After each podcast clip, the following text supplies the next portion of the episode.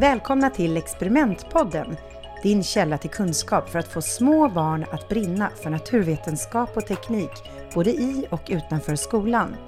Podden är producerad av Binosi och jag heter Carolina Kjellberg. I dagens avsnitt träffar jag Anna Gunnarsson som är matte, NO, teknik och bildlärare och även författare till böckerna om Berta Drake och Tunda och Triton. Hon arbetar på Navet Science Center i Borås och i dagens intervju kommer Anna att prata om vikten av att arbeta ämnesövergripande med naturvetenskap och teknik. Anna berättar om hur hon tagit fram böcker där sagor och experiment är nyckeln till lärande av kemi och fysik för barn i åldrarna 4 till 8.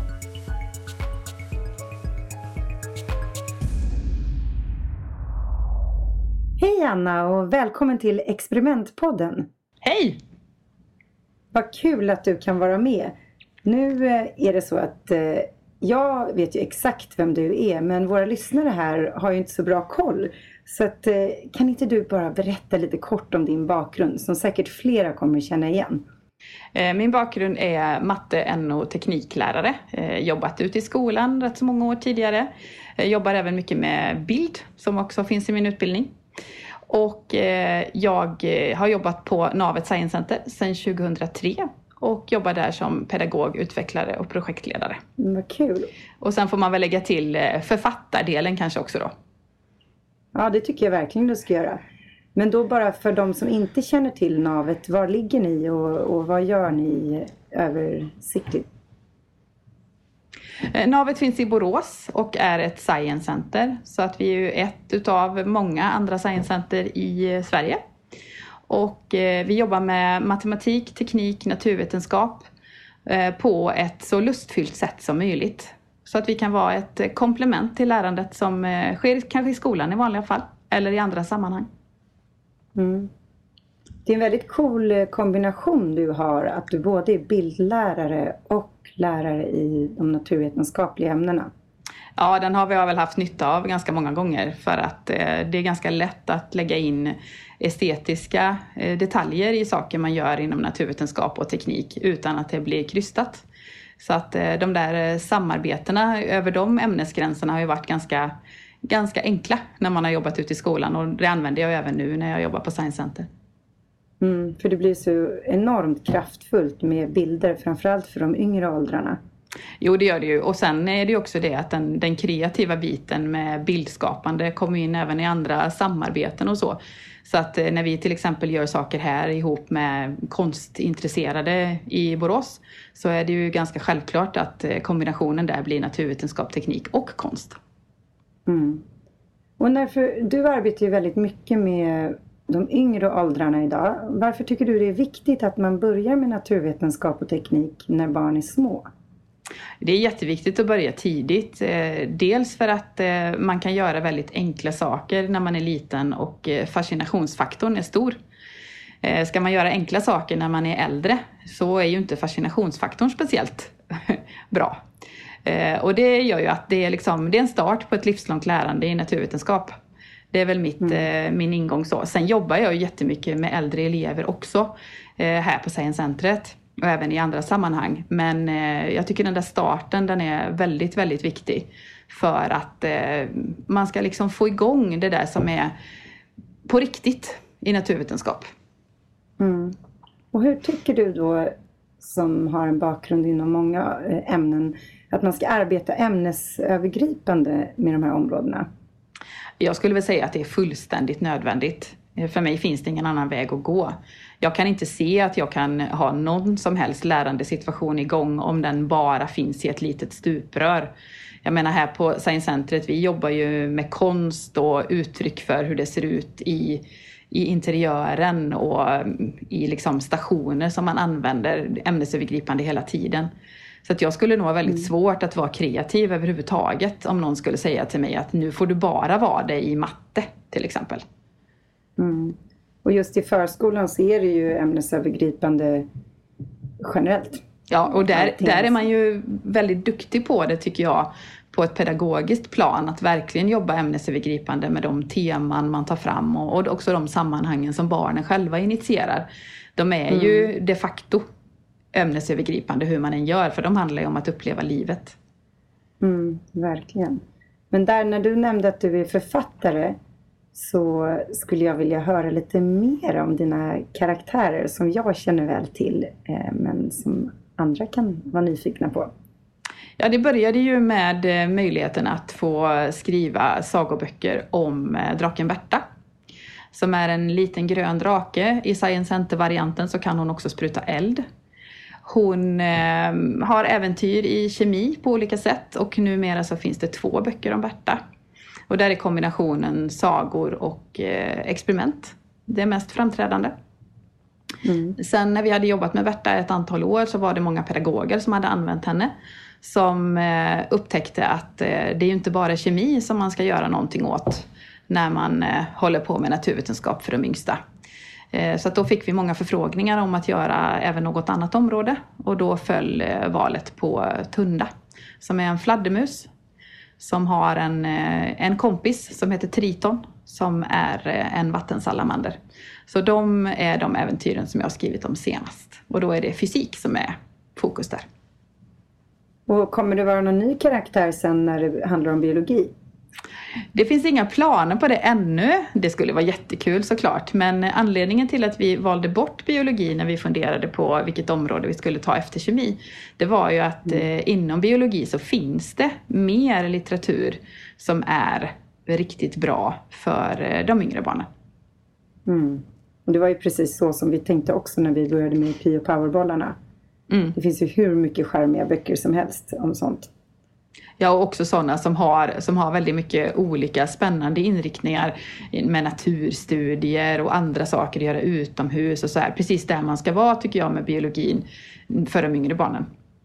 Mm. Så där behövde vi liksom inte uppfinna hjulet. Nej, och vad tycker du, hur ser du att eh, den här lilla figuren Berta eller Tundra och Triton, varför är de så viktiga i eh, kommunikationen eller när du försöker lära ut dem, de här ämnena? Alltså dels är de ju viktiga för att bygga en historia. Eh, som för, för barn är det ju ofta liksom det här med storytelling som är en bra start för det känner de igen. Men sen är det ju mm. också när man skriver berättelser om det så är de ju viktiga bärare i att, att det blir en, en bra handling. Men eh, mm. sen också givetvis när vi jobbar med handdocka, för både Tunda och Berta finns ju som handdocka. Och då blir de ju ett mellanled mellan oss som pedagoger som leder verksamheten och eh, deltagarna själva. Ja, så att barnen får ju verkligen träffa dem på riktigt. Ja. Och det är väl enormt effektfullt, är det inte det? Jo, det är det. Det är väldigt effektfullt. Eh, bara det här att när vi har vattenteman med Tunda, att man kan knö in henne i ett eh, glasrör av det större slaget och liksom sänka ner henne under vatten. Det är ju liksom bara att kunna göra det där och då med henne. Det är fantastiskt roligt.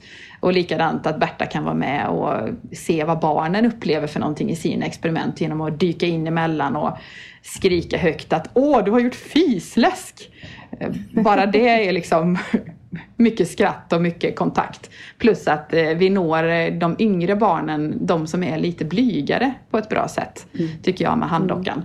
De som inte alls skulle tycka att det var så behagligt att någon av oss vuxna som de inte känner skulle slänga sig över dem det första de gör. Det är mm. mycket mer lustfyllt att ha en handdocka som mellanhand. Mm. Och jag, jag, kan verkligen se det framför mig. Och speciellt när man tittar på alla fina filmer som ni har på er Youtube-kanal. För där är, finns det ett ganska bra bibliotek. Ja, det var jättekul med just att få göra Grön i labbet. Det var ju tanken att eh, få till nästan som en kokalong-aktivitet fast i kemi. Där man mm. får reda på vilka grejer man ska ha och så kan man köra med oss var som helst ifrån. Eh, och där är också möjligheten att, att använda Berta på ett lite annat sätt om man inte tycker att man vill använda böckerna till exempel. Mm, och kanske i kombination med böckerna också. Så det blir ja. extra kraftfullt. Mm. Och Vad sen, heter eh, Youtube-kanalen för de som inte vet om den? Eh, den heter faktiskt bara Berta Drake. Så mm. den är lätt att hitta. Och den går ju också att prenumerera på om man vill se när det kommer någonting nytt och sådär. Mm. Och det, jag tycker det är så roligt med dina karaktärer här? För de har ju inte bara hållit sig inom Sveriges gränser utan de har ju faktiskt varit ute och rest en hel del. Ja, som tur är har de ju fått möjligheten att göra detta. Det är inte bara resorna i, i sagorna, för där, där går ju Berta, hon skiftar ju mellan eh, draklandet och människolandet. Men i det verkliga mm. livet då, så har hon varit i ungefär 40 länder som det är nu. Wow. Det är inte jag som har varit med i alla de 40 länderna, även om jag hade önskat att så var fallet. Men, eh, men jag har åtminstone varit i 25 av dem med eh, Berta mm. i släptåg och nu på senare år också med Tunda. Mm, det är jättehärligt. Och vad, vad gör de då? då? Vad händer alltså då, då handlar det mycket om, mycket om att göra experiment tillsammans. Eh, att eh, få uppleva naturvetenskap antingen utomhus eller i skolan med eh, mer iscensatta experiment. Ehm, mycket att, på vissa ställen faktiskt, att få göra naturvetenskap överhuvudtaget har Berta och Tunda mm. kunnat få vara en förevändning för. För det är inte likadant i alla länder att vi har naturvetenskap och i den, i den formen inlagda i eh, vår läroplan. Nej, för hur är ni annorlunda då? Eh, varför vill de ha dig och dina små karaktärer utomlands? Eh, jag tror att det har varit, eh, alltså praktiskt sett så har det varit kopplat till projekt som eh, mm. kanske har haft en annan inriktning. Ibland har det varit kemi för yngre barn men eh, ännu mer har det ju varit eh, utvecklingsprojekt inom andra områden där det har visat sig att det finns en intention att ta med de yngre barnen på något sätt. Och då är mm. ju det här med handdocka är ju en, en, liksom en framgångsfaktor eftersom den behöver inte ha samma språk som de man träffar nödvändigtvis. Utan den mm. blir en, en positiv kontakt ändå. Och kombinationen av handdocka och experiment då, det blir ju ännu bättre. Mm. För att då, då kan man babbla på ganska mycket på sina parallella språk och ändå nå varandra. Ja, okej. Okay. Men det är de här workshopsen som du gör eller som eh, lärare kan göra själva med sina klasser eller i förskolan. Hur kan en sån workshop se ut? En typisk sån här hos oss på Navet och när vi är ute, det, då är det en eh, sagostund först när man berättar eh, en av sagorna som finns. Och det kan ju vara andra sagor än de som finns i böckerna kan jag säga. För att vi mm. förstod ju snabbt att vi kunde inte använda dem här så fort boken var ute. För att då eh, hade den ju lästs i andra sammanhang i verksamheten. Efter mm. sagan så går det in i någon slags demonstrationsexperiment som vi gör tillsammans. Och då är det ofta något experiment som kanske är lite svårare att göra när man är runt en 4, 5, 6, 7 år. Eh, mm. Men man, man är med i någon, någon detalj och vi diskuterar och tittar och, och Berta gör mycket och sådär. Sen så är det olika experiment som är anpassade för att barnen ska göra själva och det är väl den absolut mest magiska faktorn upplever vi. Att man får eh, bli en riktig kemist med kemirock på och man får eh, liksom sätta sig vid bordet och ha eget experimentmaterial som man sen gör mm. olika experiment i. Och sen pågår det några olika experiment och sen fortsätter vi i regel med en avslutning. Och då har alla de här delarna, de hänger ihop med varandra. Så att då är, har de något temaområde. Det kan handla om gas, det kan handla om eh, eh, vad ska vi säga, färgbyten, det kan handla om eh, flyta och sjunka och det kan handla om material och lite olika sådana. För då hänger liksom alla delarna ihop med varandra. Ja, och när du då låter de små barnen hålla på med kemi, känner du att de vet vad kemi är? Eller förklarar ni det på något enkelt, bra sätt, vad de naturvetenskapliga områdena innebär och hur de skiljer sig åt? Ja, det, det, är inte så att vi, vi står ju inte och liksom har en liten föreläsning om vad som är biologi, vad som är fysik och vad som är kemi och så. Eh, utan det, det handlar ju snarare om en upplevelse i, i naturvetenskap överlag. Eh, mm. Och eh, med kemi i fokus kan man väl säga. Och mm. Eh, då handlar det ju mycket om att blanda ihop och se vad det blir. Och Ehm, det handlar om de olika aggregationsformerna, alltså att det kan, någonting kan finnas i fast flytande eller gas. Och, alltså de här väldigt enkla begreppen. Och de, de begreppen som vi rör, de är också inlagda i sagorna. Så att man har ju fått en introduktion däremellan och sen återkommer man till samma begrepp under hela temabesöket. Ja, nej men för jag bara tänker kanske för lärarna eller de vuxna som har hand om barnen att det kan vara skönt att få känna lite vad som de olika områdena innebär. Ja, men, men så är det ju. förklarat det i böckerna. Mm. Nej, alltså vi gör ju det där också. Men, eh, men det är ju det är två olika fokus egentligen när de kommer till oss barngrupperna. Det ena fokuset är ju barnens upplevelse och det andra fokuset är ju pedagogen som är med. Den är minst mm. lika viktig, den eh, pedagogsituationen. För den har ju två delar. Det ena är att, att visa pedagogen att det går att göra på ett ganska enkelt sätt. Mm. Och den andra delen är ju att eh, själv ha fått vara med och uppleva den kemin med barnen närvarande. Mm. Mm. Eh, utan att behöva liksom ta hela ansvaret själv. Mm. Och hur får ni då pedagogerna att fortsätta att uh, utforska när de uh, går hem till sina andra miljöer? Vi har ju utlåningsmaterial som man får låna med sig när man har varit här. Alltså en låda med Berta-experiment med alla saker som man kan behöva ha och sådär. Som man får låna mm. med sig. Eh, men den andra delen, när inte den möjligheten finns, det är ju att jobba vidare med böckerna efteråt. Eh, för att då har man ju den möjligheten att göra det också. Mm. Så att, eh, och sen är det ju i Berta så har vi ju alltid eh, liksom haft inriktningen att eh, materialet som man använder det ska inte vara några konstiga saker utan det är sånt som man antingen har man redan dem eller också så är det så att man kan skaffa dem väldigt enkelt. Ja, och varje bok har väl en ganska utförlig handledning också? Ja, ja absolut.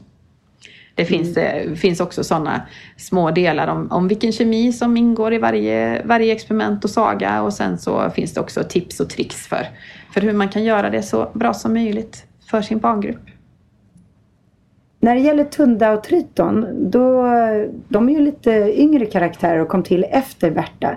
Kan inte du berätta lite mer om hur de kom till?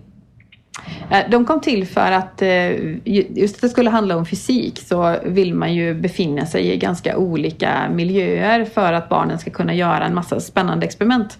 Så att eh, mm. jag ville ha karaktärer som både kunde finnas i luft och kunde finnas i vatten och också kunde agera när barnen inte alltid finns i närheten. Och då föll valet på Tunda som fladdermus och Triton som vattensalamander för att de är nattaktiva. Så de kan ju mm. hitta på bus när barnen sover. Eh, och dessutom kan ju Tunda flyga och tycker inte att vatten är speciellt spännande. Eh, medan Triton tycker att vatten är väldigt bra och coolt. Och eh, han kan också finnas på land eftersom en salamander kan vara på land också så länge de inte blir uttorkade. Mm. Och det gör att de, de kan mötas och de kan också utmana varandra. För givetvis så är det så att Triton tycker ju att det är klart att Tunda ska komma ner under vatten så småningom. Han ska ju lösa detta. eh, och tvärtom så tycker ju Tunda mm. att eh, jag kan absolut fixa något experiment så att eh, du kan flyga. Och det är ju inte Triton riktigt övertygad om att det vore en bra idé. det är jättefinurligt. Sen har de ju några kompisar till då och den som är väldigt roligast av dem där det är ju Lave Larv då. Han är nämligen eh, någonting så fantastiskt som en larv med storhetsvansinne. Mm. Det innebär att trots att han är liten, grön och ganska ömtålig så ser han inga begränsningar för sitt liv. Utan han ska till exempel givetvis bli den första larvonauten. Eh, det är en av hans största eh, mål i livet kan man säga. Och, och, ehm, då kommer vi in på rymden. Ja, ja det, man, framförallt saker som flyger. Han, han kommer inte till rymden i den här första sagan utan han, han gör sin testflygning. Så den kan man följa. Men han, men han är, har stora tankar om sig själv. Ja, det är jätteroligt. och hur har de här tagits emot i förskolan? De har tagits emot väldigt, väldigt bra tycker jag. Ehm, det är ju, den magiska kopplingen är ju liksom hur, hur bra funkar experimenten egentligen för åldersgruppen? Och det är ju mm. när man vänder sig till fyra till åttaåringar då, då är det ju en utmaning såklart. Så att i mm. boken om Tunda och Triton så har vi inte bara som i Berta ett experiment efter varje kapitel utan det finns flera. Eftersom vi vet att eh, just i fysik så kan det vara ganska mycket större spridning på vad man har gjort och inte gjort när man mm. är liksom mellan fyra och åtta. Så där mm. finns flera att välja på, på varje kapitel. Så att jag hoppas att de flesta kan hitta någonting som de tycker är spännande att göra. Mm. Det är jättekul ju. Det är en hel liten familj här av eh, tokiga karaktärer. Ja, det blir väl lite så. De brukar leva sitt eget liv. Jag brukar säga det med handdockorna när man reser omkring med dem. Det är ju Berta och Tunda som finns som handdockor då. Och jag kan mm. ju inte lägga ner dem i en väska och stänga locket. Det funkar liksom inte. Utan de måste få titta ut. Så, så, så mycket karaktärer har de ju blivit liksom, alltså på gränsen mot vänner. Liksom. Inte så att jag sitter och pratar med dem varje dag. Så, men men de, de finns ju där som liksom riktiga karaktärer. Ja, men vi har ju gjort lite um, tvärt er och istället för handdockor gjort uh, full storlek vuxen maskotdockor. Mm. Så jag känner lite att det är ett problem för mig att resa med mina karaktärer. För då skulle jag behöva sitta i en stor Mange-magnet. Ja, det blir lite annorlunda, helt klart. så jag blir lite avundsjuk på att du har de här handdockorna. Mm, det låter ju väldigt härligt. Ja, men det är faktiskt rätt härligt. Man är inte så ensam när man reser liksom som själv vuxen. När man har två med sig, varav den ena är en fladdermus och den andra är en drake. Man, eh, man drar till sig ganska mångas uppmärksamhet runt omkring också. Jo, det förstår jag när du sitter där själv och pratar med dina mm. små dockor. Absolut, det händer. Men eh, det kan ju öppna upp för väldigt mycket spännande samtal kan jag tänka mig. Det gör det, absolut. Mm. Och sen emellanåt har... så möter man ju någon som eh, faktiskt känner igen någon av dem också. Mm. Och det är ju, mm. ofta är det ju ett barn som gör det. Som kan göra en förälder väldigt konfunderad genom att högt skrika någonstans ifrån. Men titta, där är ju Berta! Och föräldern tittar och, och jag vet inte alls vad det är som är Berta, men barnet har ju väldigt bra koll.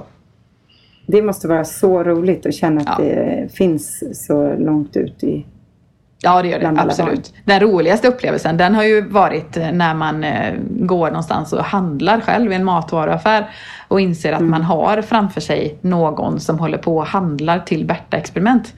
Och talar om liksom att men vår citronsyra är slut hemma, vi måste köpa ny. Eh, så det kan vara, när det då är en 5-6-åring så blir man ganska lycklig över detta. Ja, det måste vara en helt underbar känsla. Mm. Men varför jobbar du med det du gör? Vad är det som du tycker känns mest givande? Eh, det är väl att få, få vara kreativ och utveckla nya områden. Eh, är det ju. Sen är det ju givetvis mm. barnens reaktioner eller ungdomarnas reaktioner i det, i det man gör som är responsen liksom som man får. Den är ju mm. givetvis den absolut viktigaste. Mm. Sen så är ju möjligheten att eh, genom att jobba på Science Center att man eh, får träffa många. Eh, där är ju liksom, du har ju möjlighet att nå många fler än du har om du jobbar som pedagog i skolan eller i förskolan. Mm. Så där är ju en, en, det är ju både en fördel och en nackdel. Vi träffar ju många och når ut till alla dem. Men sen har man också den här grejen att man, man lär ju inte känna alla barn och ungdomar på djupet. Vilket man gör när man Nej. jobbar i, i skolans eller förskolans värld. Ja, men för du berättade så fint för mig hur du, när du arbetade som lärare, har stött på dina elever som vuxna. Och fått ja. höra hur det har gått för dem och hur du har påverkat ja, dem. Det har ju hänt rätt många gånger. Jag hade fördelen att få eh, ha en gäng elever i flera klasser. Från det de gick i fyran tills de slutade nian. Och det mm. gjorde ju att eh, man fick ju en helt annan fördjupad relation än, än om man bara har tre år som normalt är. Mm. Eller i alla fall på många platser. Och eh, det gör ju att jag har fortfarande kontakt med väldigt många av dem som jag släppte 2003. Eh, och eh, än så länge är det ingen som tittar bort och byter sida på gatan och får syn på mig. Det känner jag mig väldigt nöjd med. Nej, och har det varit... Um, har du påverkat dem så tillvida att de har valt naturvetenskapliga arbeten? Ja, det finns en del som har gjort. Framförallt så tittade jag på det när de valde sina gymnasieval. Det var lite spännande mm. för att då hade de antingen valt eh, kombinationen naturvetenskap och skapande. Vi hade ju dem i bild också då. Eh, antingen mm. hade de naturvetenskap som huvudinriktning, alltså typ natur eller teknik eller, eller, eller heter det, naturbruksgymnasie eller motsvarande. Men då hade mm. alla valt till eh, något tillval i estetisk form. Och de som mm. hade valt estetiska inriktningar, de hade eh, naturvetenskap fortfarande kvar. Mm. Fast de i många fall kunde valt bort det och det gjorde de inte. Så det kändes väldigt kul. Mm, det var ju en direkt, eh, ett direkt resultat säkert av dina eh, härliga lektioner. Det behöver ju inte vara jag, men jag tycker ju att vi hade rätt kul ibland så att någon liten påverkan hoppas jag väl på. En lärare betyder ju så mycket. Ja, det gör det. Man tyckte ju om ämnen för att man hade bra lärare. Du har ju massa spännande andra saker för dig på navet. Kan inte du berätta lite mer? Eh, det pågår ju alltid utvecklingsprojekt på Navet och eh, det som eh, nu har varit under senaste tiden är ju att vi håller på med en omstrukturering, nydaning utav vår utställning om hållbar utveckling. Så den håller jag på med just nu och det är inte hållbar utveckling bara i så att säga ekologisk mening utan det är alla perspektiven och även med fokus på eh, samhällsmedborgaren inom hållbar utveckling som delaktig i beslutstagande, i information på ett bra sätt eh, och hur man kan vara eh, vad kan man säga, en, ambassadör för hållbar utveckling i det stora perspektivet. Och när det gäller mm. barn och ungdomar givetvis så kommer Greta finnas med till exempel. Mm. Och hur kan man göra det? Eh, det som är, den viktigaste biten är ju att eh, vi når ut till så många grupper som möjligt. Både till de som har eh, kanske maktpositioner lika väl som ungdomar i skolan eller, eller barn i skolan och pedagoger. Men att, att vi liksom kommer till det här att, att påverka beslut som tas och att föra in framförallt forskningsbaserad kunskap som den viktigaste ledstjärnan när vi jobbar med globala målen eller om det handlar om utmaningar på lokalare nivå. Och hur kan barnen göra? Så hur kan man göra i lågstadiet eller i förskolan om man vill arbeta med det här? Eh, man kan ju komma på teman hos oss, går ju jättebra. Vi har ju många olika program som vänder sig till olika grupper. Och då kan det handla om mm. allt ifrån eh, sopor och sopsortering och sådana saker för de lite yngre. Men också sånt som handlar om eh, vilka utmaningar vi har i, i eh, våra systemvillkor i förhållande till eh, vad vi plockar ut ifrån Moder Jord och hur det påverkar många olika saker på planeten. Eh, vi tittar givetvis mm. också väldigt mycket på alla kopplingar till mångfaldsdiskussion och till jämlikhet och till de här bitarna som liksom man kanske inte i första hand tänker är eh, det som handlar om hållbar utveckling. Men som påverkar väldigt starkt i vilken riktning eh, vi ger oss iväg när vi liksom vill förändra mm. någonting. Så här kan gälla sådana saker som att stärka tjejer och jobba medvetet med grupperingar med kvinnor eh, för att man vet att man påverkar sina familjer mer än vad män gör. Eh, också mm. utveckla nätverk för hållbar utveckling där vi kopplar ihop eh, till exempel ungdomar med politiker eller ungdomar med eh, ledningsfunktioner på sin skola eller vad det kan vara. så. Mm, vad spännande det mm, låter. Ja, men det är spännande. Och där, är vi ju, där har vi ju börjat och jobbat mycket med olika projekt de senaste åren. Men nu blir det liksom en, en avdelning här där vi kan köra den typen av program. Så att där, är ju, där finns, det vi diskuterar just nu är att uh, jobba utifrån missionstanken som är en, uh, en, mm, är en rörelse inom, inom EU och ja, hela världen egentligen. Där man jobbar mycket mer medvetet med, med samhällsmedborgarens rättighet och möjlighet att vara med och påverka den hållbara utvecklingen. Mm. Någonting som man ser sker för lite. Ja, och om man som eh, person, som barn, ska påverka hållbar utveckling på ett enkelt sätt. Eh, så sopsortering, det, det känner ju de flesta till ja, nu. Men, men, vad säger man till de små? Eh, den viktigaste viktiga biten, det är ju att, att få klart för sig att man kan påverka. Sen kan man ju göra det på mm. olika sätt. Och det vi ser är ju att när barn och ungdomar får nya kunskaper om hållbar utveckling så de har ju mm. världens bästa möjlighet att påverka vuxna i sin närhet. Det ser vi ju i många mm. sammanhang. Det är lite grann den här att kan man mycket om det så är det mycket svårare att göra fel. Mycket lättare att göra rätt. Mm. Och det kan handla om, om så skilda saker som påverka semesterval för sin familj i förhållande till klimatutsläpp det kan vara, handla om mat, mm. vad, vad vi äter i familjen i fråga om eh, val vi gör, eh, vilket kött vi till exempel har eller vilka grönsaker vi väljer att sätta på bordet. Att eh, samarbeta mm. med organisationer som har eh, ett hållbart fokus. Att mm. inte, eh, om man finns med i en beslutsfattande process, att inte acceptera det om inte det görs på hållbara grunder. Nej. Så att det finns Och många det olika ledare. Ja men verkligen. Stänga av kranen när man borstar tänderna. Mm, bara det. Det är ju verkligen sådana ja. Såna liksom handgripliga saker. Så att vi försöker jobba med allt ifrån väldigt praktiska saker eh, med våra grupper som kommer hela vägen till de här mer eh, filosofiska existentiella kopplingarna till hållbar utveckling som faktiskt också måste finnas på plats. För att vi, vi måste liksom mm. ha både handling och tanke i den hållbara utvecklingen för att kunna förändra på riktigt. Mm. Spännande. Mm. Det har varit så mycket roliga saker du har berättat om idag, här Anna. Tack snälla för att du har varit med. Tack själv, det var bara roligt att vara med. Ja, så hoppas jag att jag kan komma till navet någon gång och besöka er. Det låter ju som det måste man göra. Ja, det är klart att du måste någon gång och eh, det hoppas jag ju att fler gör också som har möjligheten. Eh, det är öppet för de som vill vara med. Ja. Jo, nu glömde jag, innan jag avslutar, jag glömde att fråga dig om du har några konkreta bra tips på var folk kan hitta inspiration? Inspiration för naturvetenskap och teknik, det kan man egentligen hitta på väldigt många olika ställen skulle jag säga. Eh, men, eh, men mm. rent, mm. rent personligen så att säga så kan jag slå ett litet slag för vi gör en sån här eh, en sida varannan vecka i vår lokala tidning här som vi också lägger ut på vår hemsida där man kan nå experiment och grejer och sånt.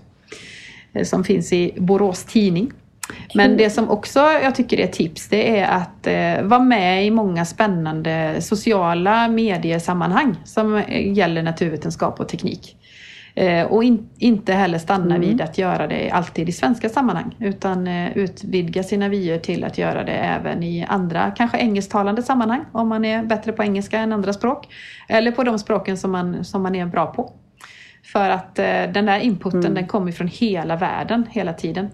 Eh, och kanske den viktigaste biten tycker jag att inspireras av det är ju av sina nätverk. Alltså de människorna som man har mm. runt omkring sig som gör spännande och roliga saker. Och sen inte bara låta det stanna hos sig själv utan sprida det vidare. Okej, men då säger jag än en gång tack snälla för idag tack Anna. Tack för att du har lyssnat på Experimentpodden, en Binosi-produktion med mig Carolina Kjellberg. I nästa avsnitt kommer ni att träffa Maria Serander. Hon berättar om hur man i förskola och med hjälp av NTA kan lyfta fram naturvetenskap och teknik i barnens vardag. Jag är så tacksam över att efter ett gäng avsnitt av Experimentpodden fått en trogen lyssnarskara. Nu är jag nyfiken på att höra vad du som lyssnare skulle vilja se mer av i podden. Vilka utmaningar möter du i vardagen? Har du kanske bra tips stora som små, som du vill dela med dig av till andra när det gäller att få små barn att brinna för naturvetenskap och teknik. Maila mig era frågor, tankar och funderingar på info.binosi.com så ska jag se vad jag kan luska fram. Vill ni ha mer tips och experiment så prenumerera på vårt nyhetsbrev på binosi.com.